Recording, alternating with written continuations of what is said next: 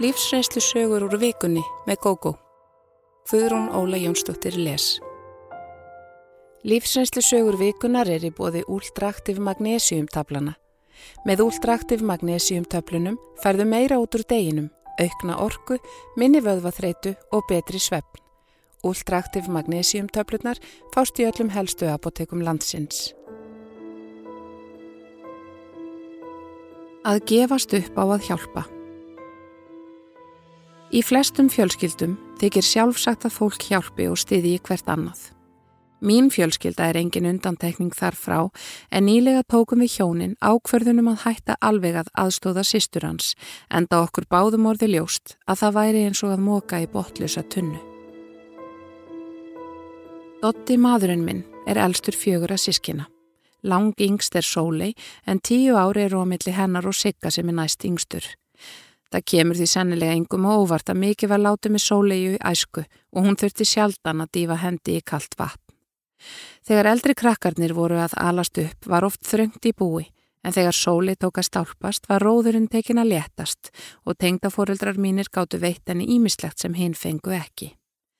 Hún fekk að taka þátt í tómstundastarfi með tilirandi kaupum og útbúnaði, ferðalögum og öðru sem hinn höfðu aldrei notið en enginn taldi þetta eftir eða öfundaði sóleiðu. Líkt og hinn sískinin mentaði sólið sig, en ólíkt þeim var hún alltaf í vandræðum.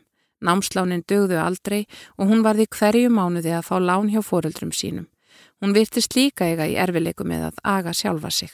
Hún skilaði verkefnum æfinlega á síðustu stundu, stundum of seint og fekk ekki að taka próf, þannig að hún lauk ekki námi fyrir en tveimur árum setna en jafnaldrar. Ekkert af þessu var hins vegar sólegi að kenna. Kennarin hafði ekki verið nógu skýr, hún fekk ekki senda náms á allunina, tölvan hrundi og fleira og fleira. Oft hjálpuðu sískinin henni að vinna verkefnin sín og yðurlega setti stótti með henni fyrir prófin og hjálpaði henni að glósa og vinna sig í gegnum bækurnar. Sólei laug námi og fekk fljótlega vinnu. Ekki tók betra við eftir það. Þrátt fyrir að vera með ágætlaun átti hún aldrei fyrir mat eða öðrum nöðsinum þegar líða tóka mánuðin. Fóreldrar hennar hlupu undir bakka oftar en ekki og stundum sískinni hennar. Allir reyndu að kennin að fara betur með. Anna sett upp fjárraksáallun, komin í greiðslu þjónustu og skipulagði spartna fyrir Anna, en ekkert af þessu dögði. Sólei var fljóta að segja upp greiðslu þjónustinni og sagðist ætlaði að sjá um sitt sjálf. Ekki leið og löngu þar til allt var komið í óöfni og sólei fær hann að skulda allstaðar. Fóreldrar hennar borguðu upp skuldirnar og kallað var til fjölskyldufundar þar sem sóleiu var gert ljóst að nú yrði hún að taka sig á og standa sig. Anna bentin á að þær hefðu svipu laun og sér hefði alltaf tekist að standa fullkomlega í skilum. Sólei reytist þessu og sagði önnu ósangjarna. Ekki væri hægt að bera saman aðstæður þeirra. Anna væri eldri, ætti maka og væri búin að greiða af námslánum sínum lengi. Öll vissum við að ekkert af þessu skipti máli þegar koma fjármálunum. Heldur munaði mestum að Anna hafi skinsamlega stjórn á sínu en Sólei ekki. Nokkru mánuðum eftir þetta var Sólei sagt upp vinnunni. Í ljós kom að hún hafði séð um starfsmannasjóðin en þegar nýr aðili tók við kom í ljós nokkrar fæslur sem voru óutskýrðar. Skiljanlega voru samstarfsmenn hannar ekki hrifnir af þessu en fjallust á að kæra ekki ef Sóli greiti tilbaka þar sem hún hafði tekið. Að þessu sinni tók Dóttu upp veskið. Um var að ræða 300.000 krónur. Hann og Sóli gerðu samningum endurgreislur og hún ætlaði að borga 5.000 krónur á mánuði þar til skuldin væri gerðu upp. Dotti vildi ekki ganga harta sýstur sinni þótt hún hefði fljótlega fengið lofurðum aðra vinnu í gegnum sigga. Fyrstu tvo mánuðina kom Greislan með skilum en þann þriðja ringti sólei og nú stóð svo illa á hjá henn að hún gati ekki borga neitt. Dotti samþykti að sleppa einu mánuði úr ef hún tæki upp þráðin aftur í næsta mánuði. Það var ekkit málaðmat í skuldarans en sama sagan endur tók sig næst og svo aftur næst. Eftir það hætt hún að ringja á borga og Dotti ákvaða ganga ekki á eftir peningunum. Um svipaleiti byrjaði Sóli með Gunna. Hann var indall maður og fjölskyldunni leist ágætlega á sambandið. Þau byrjuði að búa saman og næstu árin virtist allt með feldu. Gunni var duglegur, rakaðið fyrirtæki og var búin að koma sér ágætlega fyrir þegar hann og Sóli byrjuðu saman. Þau eignuðu stóttur saman og Sóli virtist hamingisum. Þegar Gunnar gekk út af heimilinu dagn okkur var hún gerðsamlega niður brotin. Hún sagðist alls ekki geta ímynda sér hvers vegna hann hefði farið og var alveg eigðilögð. Öll sískinni sólegar og foreldrar voru full samúðar og vildu allt fyrir þær maður gera. Tengda foreldrar mínir fóru með þær í sólalandaferð og við hinn reyndum að bjóða þeim oft í mat, taka þær með ef við vorum að fara eitthvað og allan hátt að hlúa þeim. Gunni virtist ætla að reynast sólegu vel að minnstakosti hvað fjármál varðaði því hann sagði að hún gæti fengið húsið gegn því að hún gerði enga kröfi í fyrirtæki hans. Anna skoðaði ársreikninga þess og fullirti að þetta væri góður samningur því þótt fyrirtæki væri ágætlega rekið gæfi það ekki mikinn arð. Úrvarð að sóli samfykti skiptin og skilnaður gekk í gegn. Þótt ekkert okkar væri tilbúið að rækta einhvern óvinnskap við gunna, ægslaðist það einhvern veginn þannig að enginn talaði við hann eftir skilnaðin. Þegar ég hitti alla, bróður hans, fyrir tilviljun í bóði hjá sameigilegu vinafólki, sagði ég honum hvað okkur hefði öllum þótt leitt að missa gunna úr fjölskyldunni og að okkur þætti væntum hann, að við bara skildum ekki af hverju hjónabandið hafi brostið. Alli var svo liti kendur og horfi á mig skrítin og svipin, svo sagðan, ég er ekki hissa á því sjáuð eftir gunna, Hann hefur gert allt sem hann mögulega gað til að taka ábyrð á mannesku sem virðist aldrei hafa vaksið upp og kann ekkert með peninga að fara. Hún gerði aldrei neittin á heimilinu, allt beigði eftir að Gunni kemi heim, sama hversu seint það var. Hún eitti og sóaði hugsunna laust og talaði þar að auki til bróður míns með svo niðurlegandi hætti að okkur blöskraði öllum. Við í minni fjölskyldirum og hinbóin hissa á að hjónabandið hafi ennst svo lengi. Mér nýtti við en ég áttaði mig á að allt sem allir sagði var satt. Sólei var og er gerðsamlega hömlulegs. Ef henni mislíkar sleppir hún sér alveg og eisi yfir fólk. Þá er sama hvar hún er stödd og hún sparar ekki stóru orðin. Við í fjölskyldu hennar erum sennilega orðin svo vön skapsmunum hennar að við erum hægt að taka því alvarlega. Kanski er við svona meðvirk. En Alli opnaði augum mín og ditta. Við rifiðum upp ótal atvik þar sem Sóli hafði gert lítið úr gunna í bóðum og í eiru barsins hans. Við myndum líka eftir rifrildum og öskrum sem gengu allt of langt. En þótt allir hafi þarna skýrt fyrir okkur hvers vegna hjónabandi brást, helt fjölskyldan áfram að dansa í kringum sólegu. Nú var hún einstað móðir og notferði sér sannlega þá stöðu. Tengdafadir minn dó fyrir tveimur árum og ég vetur lést tengdamamma. Þá var farið að gera upp úð þeirra. Í ljós kom að Sóli hafði gengið mjög á eignis foreldra sinna og hafði tekið út meira en namn arfi hennar fyrirfram. Tengdapappi hafði skráð þetta niður en það samgjart maður sem vildi ekki gera upp á milli batna sinna. Hún brjálaðist þegar sískininn bentu henn á þetta en nú var hins vegar öllum nóg bóðið. Þau neituð að gefa eftir og skipta jamt því sem eftir var í búinu. Þau sögðu henni sömu leiðis að hér eftir yrði hún að bjarga sér sjálf. Síðan hefur Sóli ekki talað við sískinni sín og berð þau út við aðra ættingja og segir þau hafa stólið af sér arfinum eftir foreldrana. Við látum okkur það í léttur úmi liggja. Flestir vita sannleikan hvort sem er og við höfum lært á leksíu að sömu fólki er einfallega ekki hægt að hjálpa. Sjúkleg legaþörf Þegar ég var barn las ég mér til ánægi sögur múnsjásins baróns. Mér fannst öfgar hans og líi bráðskemtileg. Þið sama gildi raunar um frásagnir vinar foreldra minna sem allir vissu að var gert ná að íkja og bæta við. Ég komst hins vega nýlega raunum að legar eru sannarlega ekki gamanmál og sjúklega legaþörf anstíkileg grimt. Fyrir tveimur árum kynntist yngri sonur minn stúlku sem hann varð mjög ástfangin af. Skiljanlega var hún mikið en á heimili mínu og í fyrstu töldum við hjónin að þarna færi indisleg og ljúfumanniska en fljótlega komumst við að raunum annað. Gunna var lávaksinn, fingerð með ljóst hár og heiminblá augu.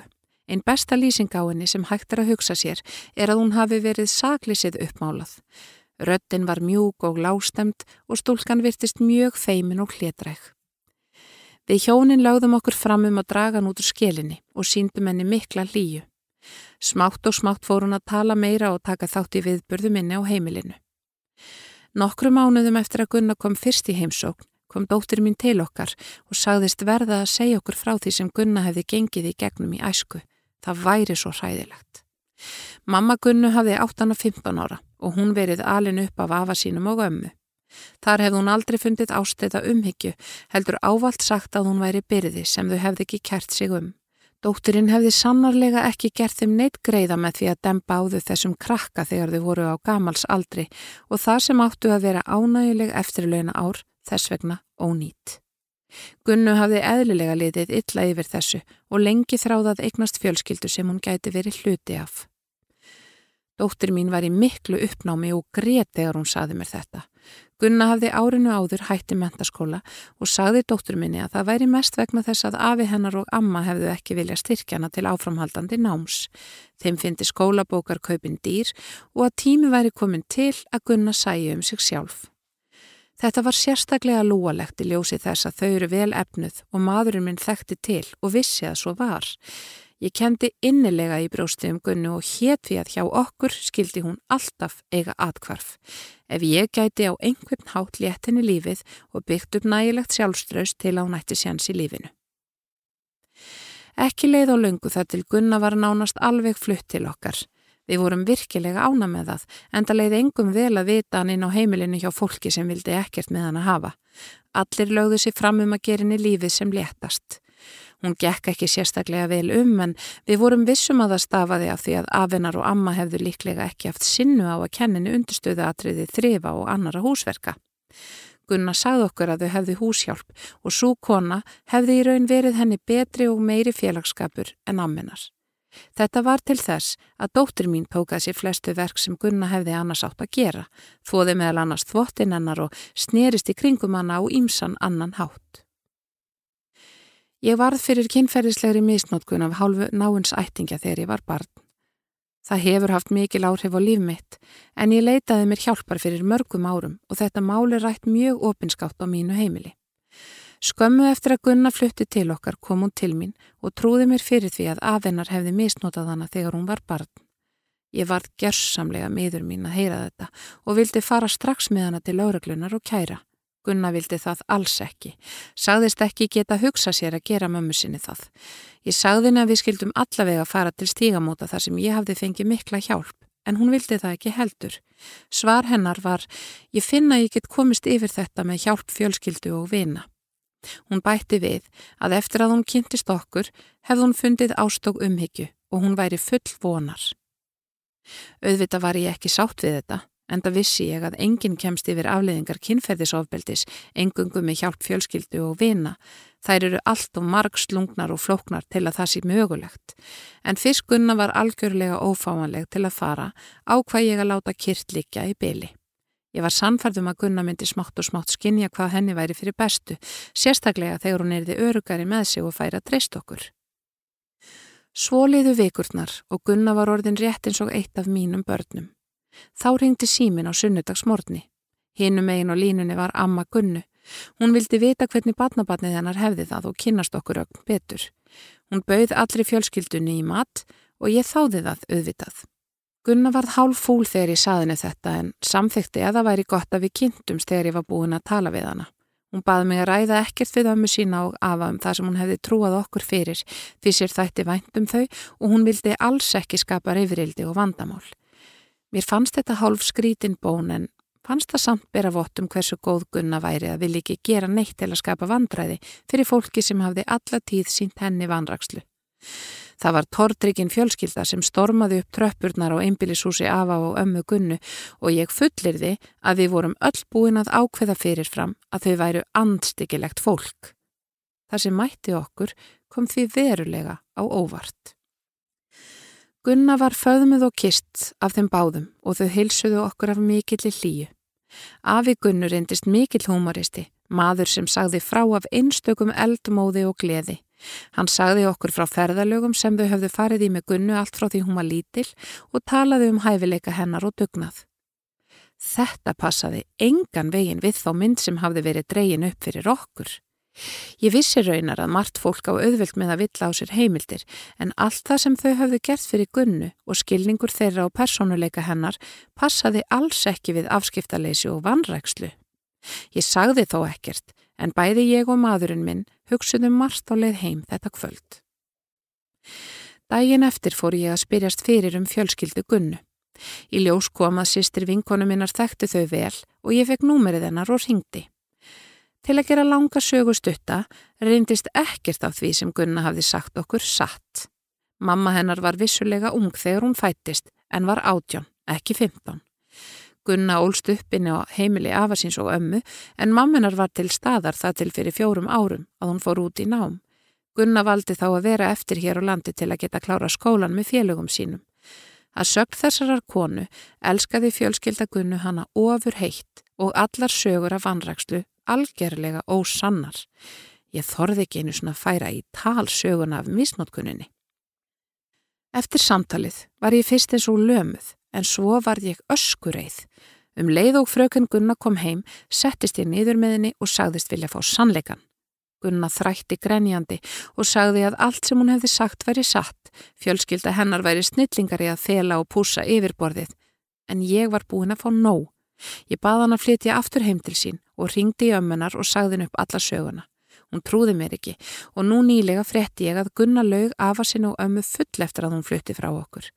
Ég er alkoholisti sem drekkur allar helgar, sonur minn, hennar fyrirverandi kærasti, ofbeldismadur, maðurinn minn gaur sem þorir ekki að segja neitt og dóttir mín hálf byluð. Þessu trúa margir sem hafa hlustað á gunnu, þótt auðvita viti aðrir betur. Ég veit að þýðir ekki að erga sig yfir þessu en verða viðurkenna að það fer í taugarnar á mér hvernig gunnu tekst að slá ríki í augu fólks. Ég er sannferðum að hún er haldin sjúgleiri lígaþörf eða er compulsive liar. Að gera ekki greinarmun á sannleika og lígi er mjög hættulegt og mun fyrir það síðar koma gunnu í koll.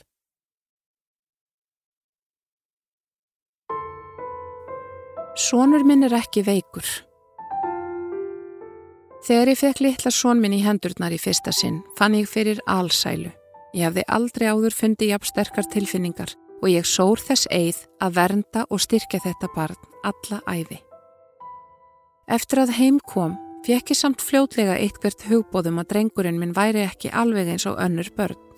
Í ljós kom að það var rétt hjá mér, en sonur minn er ekki veikur, hann fellur einfallega ekki fullkomlega í normal formið. Frá fyrstu tíð var barnið órólegt. Hann svaf lítið og mun stittri blunda en ungbörni yfir leitt. Honum virtist líða best ef hann var á reyfingu og ég á ekki tölu yfir þau skipti sem ég klætti hann uppu miðjan ótt og fór með hann út að keira til að pappans geti sofið. Þá var pilturinn rólegur og gladur og stundum sopnaðan. Þegar hann fór að reyfa sig var strax allt í hershöndum. Hann klifraði upp á allt, greip hvað sem fyrir honum varð og stakk öllu upp í sig. Við læstum öllum skápurðum, færðum allt upp í efstu hillur en það kom ekki í veg fyrir að honum tækist að slasa sig. Ég var um tíma fastagestur á bráðumótöku slísadeildar. Hann fekk skurð á ennið, kinnina, hökuna, hálsin, handleikin og aftan á nakkan. Hann brákaði bein í handleiknum, snýri á sér öklan og marði viðbeinið. Allt áður en að náði fjögura ára aldri. Eitt sinn gleift hann litla glerstittu heima hjá vinkonu minni. Hann átt hundamatinn hjá pappa og mömmu, átt sand og gleifti smásteina. Það var eins og hann kæmist aldrei almennilega af ungbarnastíginu og enn í dag stendi hann að því að stinga upp í sig hlutum sem ekkert erindi eiga í munnin. Hann var klunnalegur í reyfingum, sífælt að detta og þegar ofan á það bættist að því er virtist ómótstæðileg þörf til að klifra upp og allt var ekki von á góðu. Það sem mér þótti hins vegar verst var að hann hlíti engu, einbettingartímin var mjög stuttur og það var eins og hann glemdi jafnóðum þeim leksíum sem hann hefði átt að vera búin að læra. Á leikskólanum var hann erfiður og samskipti hans við önnur börn einkendust af tókstreitu og erfiðum fíluköstum.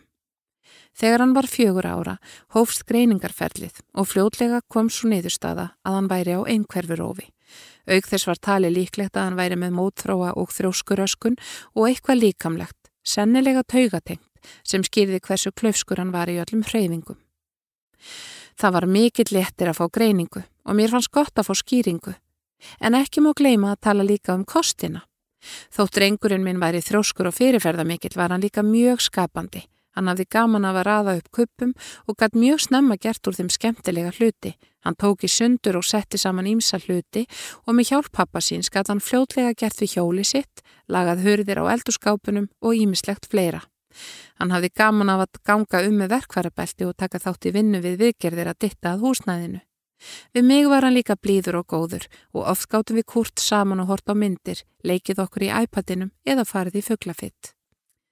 Þegar drengurinn var þryggja ára, eignuðumst við litla stúlku. Hún var strax hversmanns hugljófi og var mun auðveldara ungbarn. Hún fór að ganga nýju mánuða og kvílikur munur. Hún var léttstíg, lipur í reyfingum og miða við bróður sinn alls ekki handóð. Hún var gladlind barn, síbrósandi og falleg og ég gati ekki annað en tekið eftir að allir tók hana fram yfir bróður sinn. Afar og ömmur báðum að fá hana lánaða til að fara með hana eitthvað, voru alltaf tilbúin að passa og tók hann í fangið um leið og þau sá hann einhver staðar. Engin var vondur við drengin minn en áhugaleysið varð ábyrjandi eftir að hún kom til. Líkt og gagvart öðrum börnum vildi drengurinn stjórna sýstu sinni. Meðan hún var lítil sætt hún sig frekar við það og var leiðitöm en eftir því sem hún eldist kom það æg oftar fyrir að áreikstrar yrðu. Ég reyndi alltaf að stilla til friðar og ganga milli með því að tala nofan af því að kúana. Í fyrra sömar voru við svo í sömarbústa með pappa og mömmu þegar uppkom leiðinlegt atvik sem enn situr í mér. Pappi fór með þau sískinin á rólufölli nákrenni við bústaðinn og þegar maturinn var að verða til, gekki þanga til að sækja þau. Þegar ég nálgast völlin sá ég að dóttir mín stóð upp á bekk og bróðir hennar ætti bölvandi og öskrandi í kringum hana. Ég flýtti mér nær og heyrði að hann æfti á afasinn. Fáviti, þú ert fáviti, ógeðslegi fáviti. Drengurinn var auðheiranlega í miklu uppnámi og eiginlega alveg viti sínu fjær. Pappi stóð álengdar og sagði við dóttur mína, ekki hlusta bróðurðinn, hann er veikur, við eigum ekki að hlusta á hann. Ég fann hvernig reyðin blossaði upp og ég hljópin á völlin, greip drengin í fangið, satt með hann og ruggað honum þar til hann varð rólegur. Ég gekk með henn í fanginu heim í bústað og þegar þanga kom var hann orðin svo úrvinda að hann sopnaði. Ég spurði pappa hvað hefði gerst. Hann sagði að strákurinn hefði klifrað upp á bekkin og hlaupið þar fram og aftur. Hann hafði reynd að stoppa hann en sonur minn ekki lít frekar en venjulega. Það var til þess að stelpan vildi prófa líka og klifraði upp til hans. Þá var þann brjálaður og vildi ít einn út af bekknum og hafði tvísfarsinnum næri náða fleginni harkalega í jörðina en pappi náða grípan á síðustu stundu. Að loku misti Karlfaðir minn stjórn á sér, reif drengi nýður af bekknum og sagði honum að hann fengi ekki að vera þar og þá trilltist strákurinn.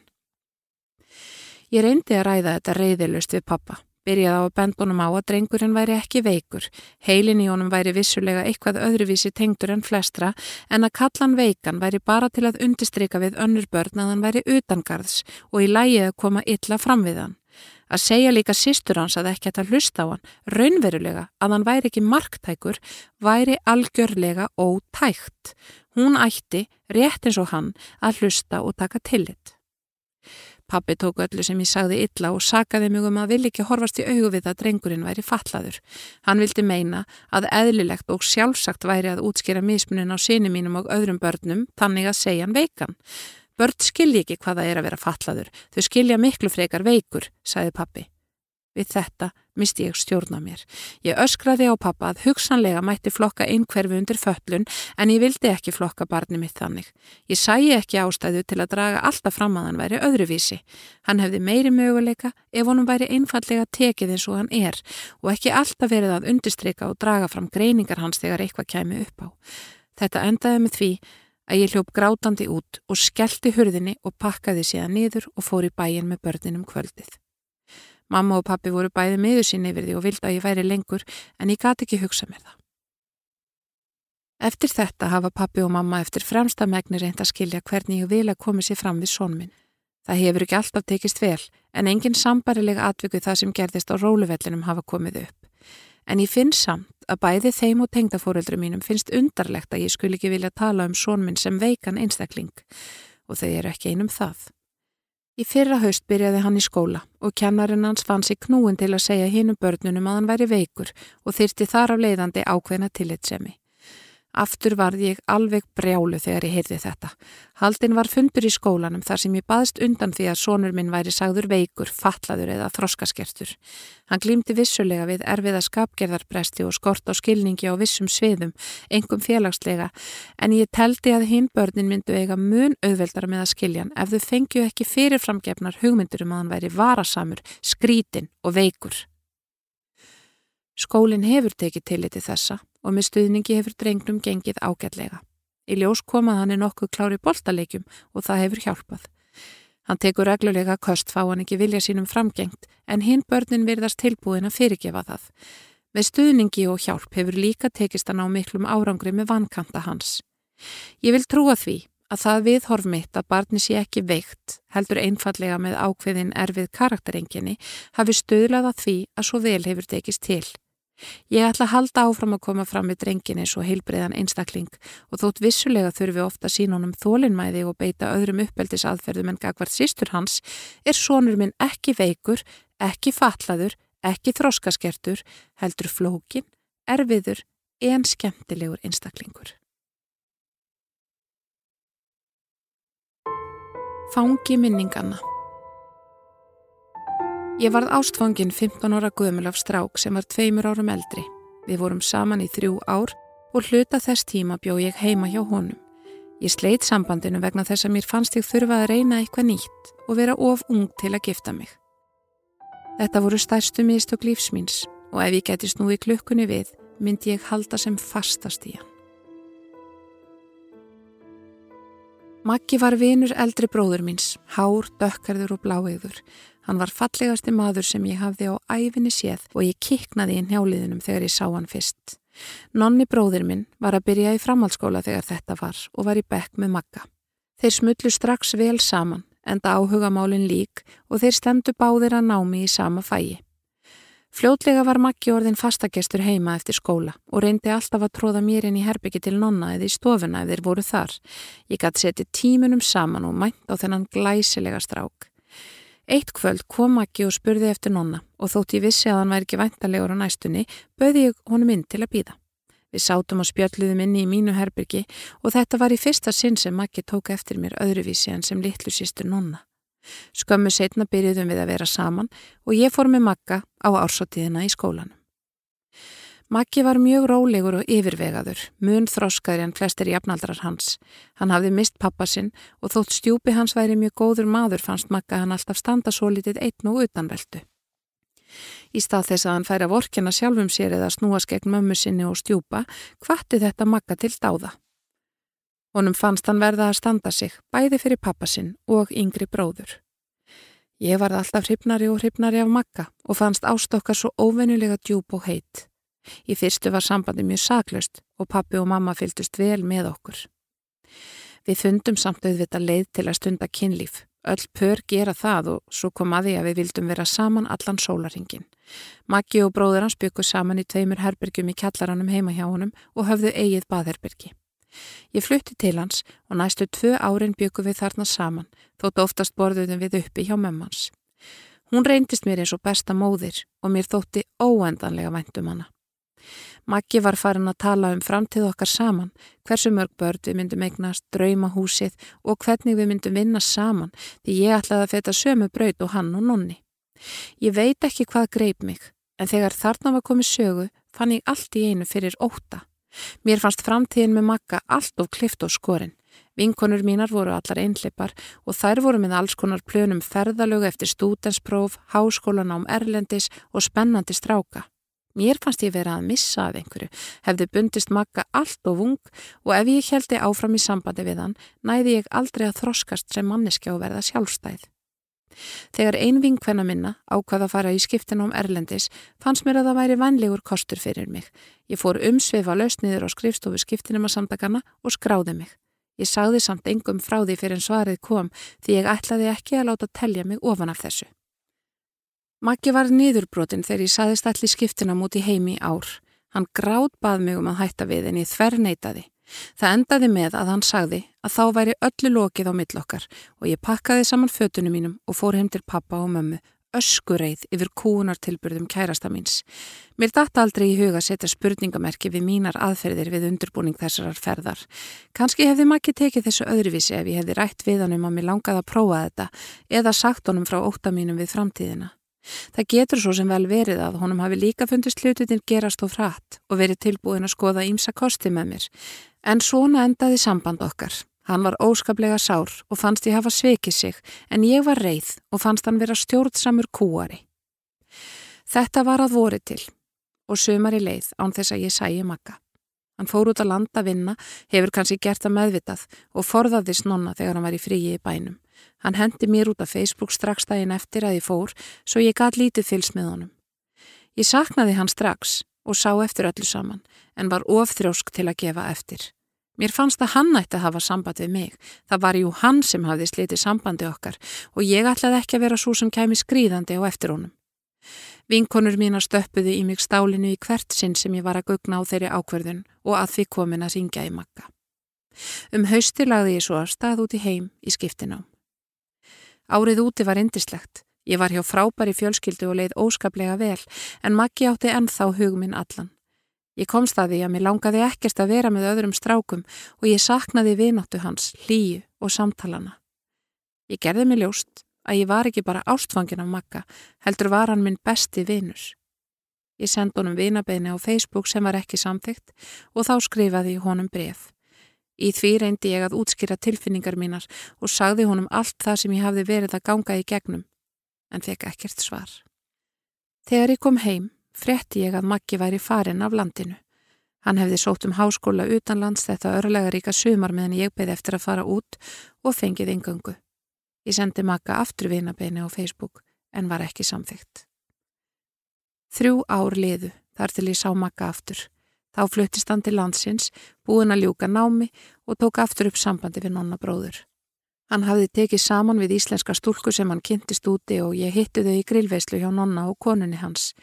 Hann heilsaði mér vingjartlega en áhuga laust, kynnti mig fyrir konunni sinni sem æsku ástina og hló gladlega.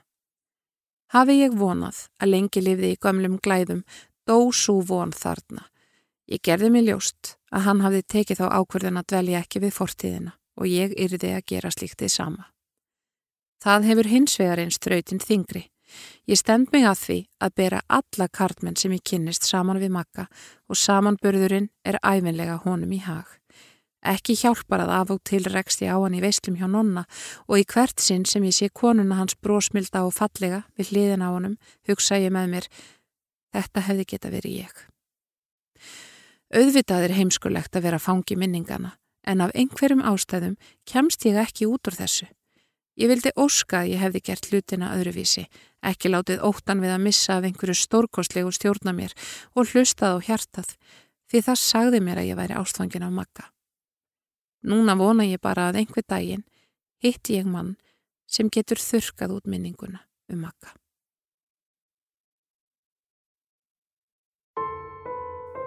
Erfitt að skipta sér millir tveggja.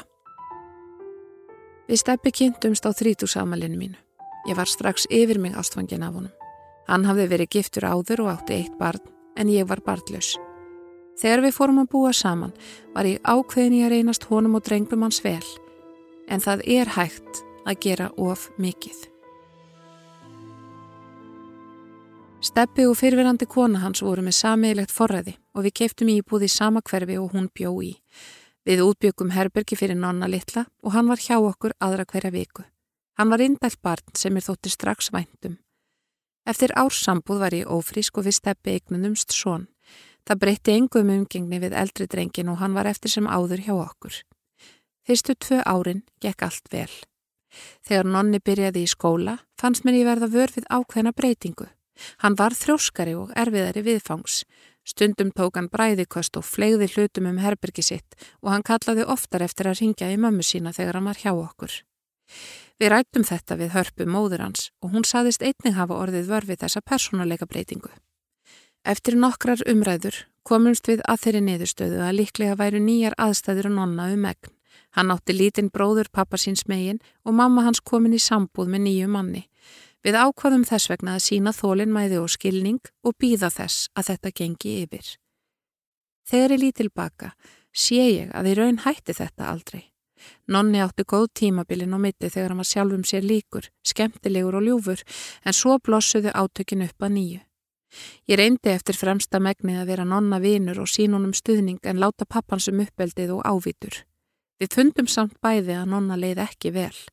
Þegar hann var hjá okkur var eins og hann vandaði alltaf eitthvað heimann frá mömmu sinni og að Harpa sagði að því sama væri upp á teiningnum þær vikur sem hann var hjá henni. Enn og aftur skelltum við á fundi og rættum ástandið. Okkur dætt í hugað hugsanlega væri hann lagður í eineldi í skólanum eða liði ekki vel þar. Steppi og Harpa töluði við kennaran sem saði að nonna gengi vel og ekkert eineldi eða aðrir erfiðleikar gætu skýrt á tókstreitu sem komin var upp heima fyrir. Hann lofaði þó að hafa augun opinn og reynaði að grafast fyrir um hvað væri að. Dag nokkur voru við nonni einn heima. Pappans var á ferðalagi og við höfðum átt reglulega notalega stundir saman. Nonni fór inn í herbergi sitt og allt í einu var eins og hann umturnaðist. Hann kom fram og öskraði á mig að hann fyndi ekki iPadin sinn. Ég stóð upp og bauðst til að hjálpa honum að leita. Hann töðaði eitthvað áfram en sagði ekkert þegar ég kom og byrjaði skipulega að fara í gegnum dótið í hillum og kössum í herbyrginu. Ég fann ekki iPadin, svo ég spurðan hvort það geti ekki verið að hann væri heima hjá mömmans. Hann reyf upp síman og ringdi hana og þegar hún svaraði og sagði að iPadin væri hjá henni var þann ösku reyður. Hann bölvaði og ragnaði og sagðist þurfaði að nota hann strax. Ég stakk upp á að hann gengi heim til mömmu sinnar og sætti iPadin en það var bara til að hella ólíu á eld. Hann nefndi ekki að lappa þángað. Ég átt að keira hann. Ég útskýrði róleg fyrir honum að það væri mikið fyrirtæki fyrir mig að hafa bróður hans til og kom honum fyrir í bílnum til þess eins að keira vegalengt sem væri í gangfæri. Nonni ringdi þá í mömmu sína og heimtaði að hún kæmi með iPadin. Harpa svaraði eins og ég að það væri fáránlegt að keira þessa örstuttu vegalengt. Nonni slefti sér alveg eftir símtalið, skellti hurðum og hrindi um borðiðin í herbyrginu sínu. Ég leta hann alveg vera meðan það versta gekk yfir. Þegar ég heyrði að hann var orðin rólegur fór ég inn til hans. Nonni sata rúminu sínu grátt bólkin og með fílusvip. Ég settist hjá honum og spurði hann hvers vegna hann leti svona. Hann sá eftir öllu saman og baði mig fyrirgefningar. Ég sagði honum að það var ekki aðalatrið í mínum huga, heldur svo staðrind að ég vissi að honum liði illa. Það væri augljóst okkur öllum sem þætti væntum hann. Við vildum bara það besta fyrir hann og ef eitthvað væri að ángran, vildum við umfram allt vita það og finna laust. Nonni horða mig svo litla stund og svo sagðan, mér finnst svo vond að eiga hverki heima. Svo fór hann að hágráta. Mér döð brá og í fyrstu skildi ég alls ekki hvað barnið átti við. Það var komið fram á varirnar á mér að segja að vístættan heimili, bæði hér hjá mér og pappa sínum og hjá mömmu sinni, en þá áttaði ég mig á að það var einmitt vandamálið. Nonni átti aðsetur á tveimur stöðum, eitthvað af dótinu hans var hjá okkur og annað hjá mömmans. Mísmunandi aðstæður ríktu á heimilinum og þótt hann pakkaði líði niður í bakboka á hverjum förstu degi og flytti sig melli heimila, fannst regnum hvorugur staðurinn fyllilega sinn. Ég vissi að nú yrði ég að taka á málum af yfirvegun og skinnsemi. Ég mætti alls ekki láta nonna finna að mér sárnaði eða að tala á nokkur nátt þannig að hann gæti tólka það sem ásökun. Ég sagðist halda að ég skildi hvað hann væri að segja og spurði hann síðan nokkura spurninga sem staðfestu að svo væri. Ég sagði honum að það væri gott að vita honum liði svona og nú myndum við fullorna fólki tala saman. Það væri virkilega auðvelt að leysa svona mál og við myndum finna út úr því. Ég sá að barninu leti óskaplega. Það byrti yfir honum og hann tók ánaður fram leikfeng og fór að leika sér. Þegar Steppi kom heim, sagði ég honum og hörpu frá því sem nonni hafði sagt mér og eftir að hún hafði rætt við nonna var ákveðið að hann ætti sitt heimili hjá hörpu.